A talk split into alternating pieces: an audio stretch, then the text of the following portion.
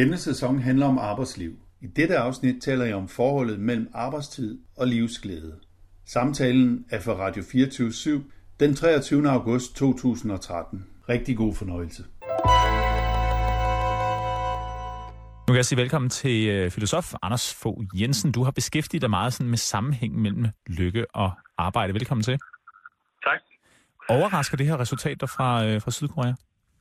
Ja, sådan umiddelbart gør det jo faktisk, fordi jeg både har troet og håbet på, at, at vi kunne, kunne skrue lidt på, på folks øh, glæde ved livet ved at, og, og regulere lidt på arbejdet. Så, så det er der en, en smule overraskende, og måske også en, en smule skuffende eller ærgerligt. Men hvad er så din forklaring på, hvorfor, hvorfor at det ikke har givet den her effekt, som man havde håbet? Ja, altså det, der kan jo være øh, øh, forskellige forklaringer. Altså, øh, man kan selvfølgelig godt forestille sig, hjælper det bare at få skruet fire timer ned om ugen, eller vil det være bedre at have fri hver fjerde uge, eller sådan noget. Men det, jeg tror, at, at, at noget af det, man må, må stille sig, i hvert fald det filosofiske spørgsmål til det her, det må være, hvordan tænker man egentlig arbejde, når man tænker, at man, man kan skrue, øh, skrue på timerne. Øh, fordi jeg tror, man, man tænker det som noget, der har en fast form. Altså som man ligesom kan skære ud i og putte ind i kalender. Ikke? Men, men hvis vi får mere og mere arbejde, i hvert fald vil jeg sige i Danmark, ikke, så får vi jo mere og mere arbejde, der mere har sådan en flydende, eller måske næsten gasagtig form, så selvom vi ikke går på arbejde, så er det med os hele tiden som en stemning. Og hvis, hvis arbejdet er på den måde, ja, så hjælper det ikke bare at skrue øh, arbejdsugen op og ned, så er det jo nok nogle, hvad kan man sige, nogle andre faktorer end, end mængden af opgaver, der virker stressende. Øhm, det mener jeg for eksempel, at, at, øh, at det kan være, at nogle af de ting, der, der i hvert fald her i Danmark stresser os i dag, det kan være sådan noget som, at vi hele tiden skal tage initiativ. Vi skal hele tiden tage ansvar for nogle ting, ikke? Vi skal, vi skal komme op med noget nyt. Men også sådan noget som, at der er utrolig meget øh, ubestemthed i forhold til arbejde. Altså man kan ikke få at vide, hvad er det, jeg skal gøre? Øh, hvornår skal jeg gøre det? Hvornår er jeg færdig? Hvornår er det godt nok?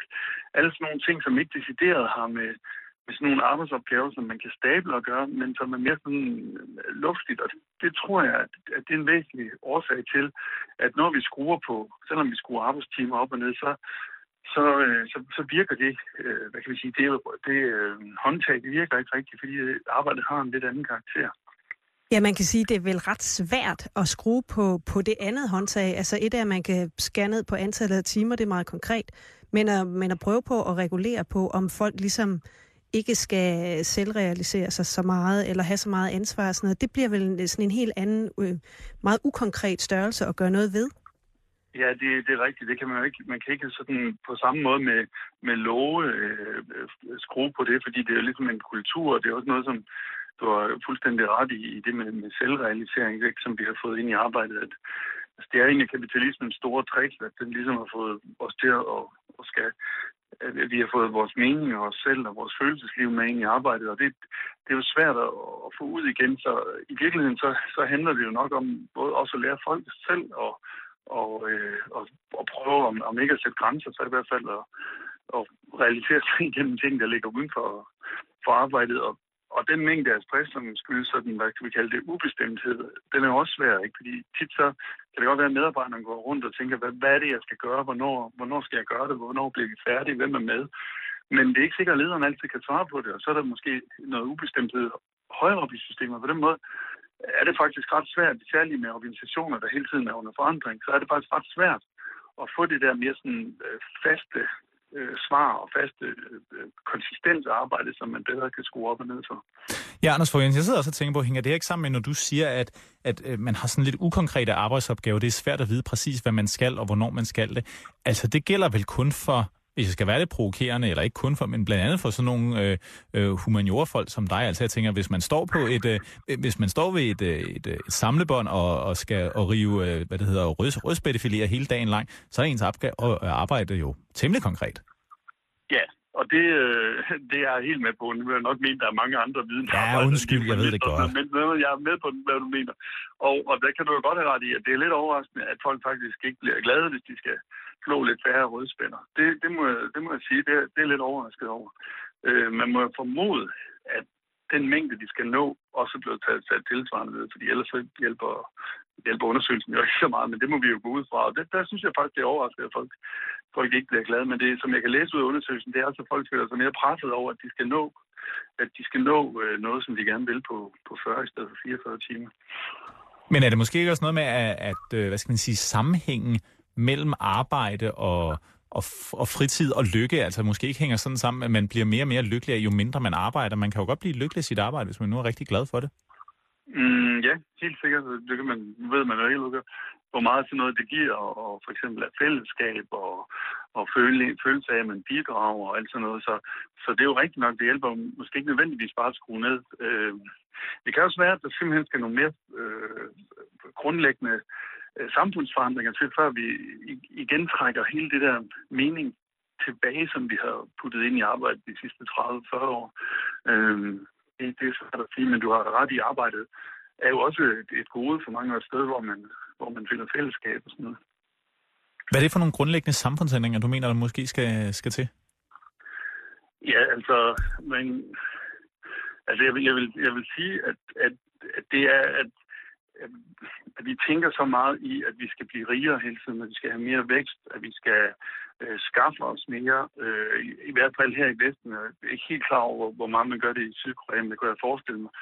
Øh, og at, at vi måske ikke skal til at tænke i, at vi skal, at den store mangelvare egentlig er tid, og at den ikke er øh, penge, i hvert fald her i Vesten. Så, så vi skal måske, hvis vi kan leve med, at vi bliver lidt fattigere, så kan vi, så kan vi begynde at fokusere på og mere tid, og, og alt andet lige, så tilbringer folk meget tid på arbejde med folk, så de ikke holder lige så meget af, som, som de gør uden for arbejde. Så jeg tror, at vi skal til at tænke lidt i, at vi ikke nødvendigvis skal blive rigere hele tiden.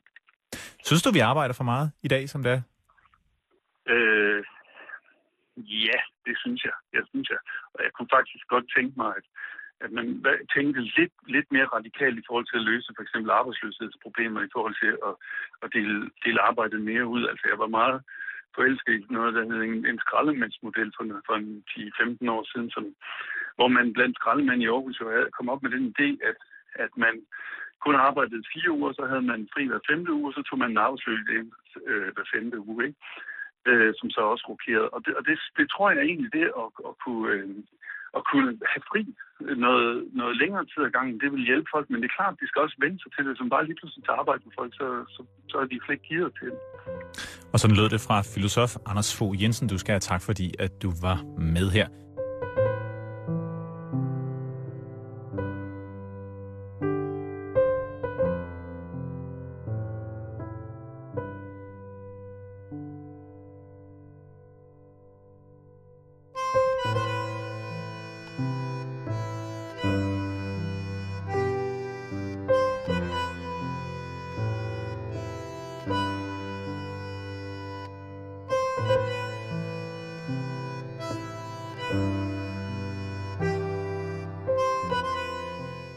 Du har lyttet til Filosofens podcast. Se mere på min hjemmeside filosofen.dk og tag med mig på dannelsesrejse. Se dannelsesrejser.dk. Mit navn er Anders Fogh Jensen. Tak fordi du lyttede med.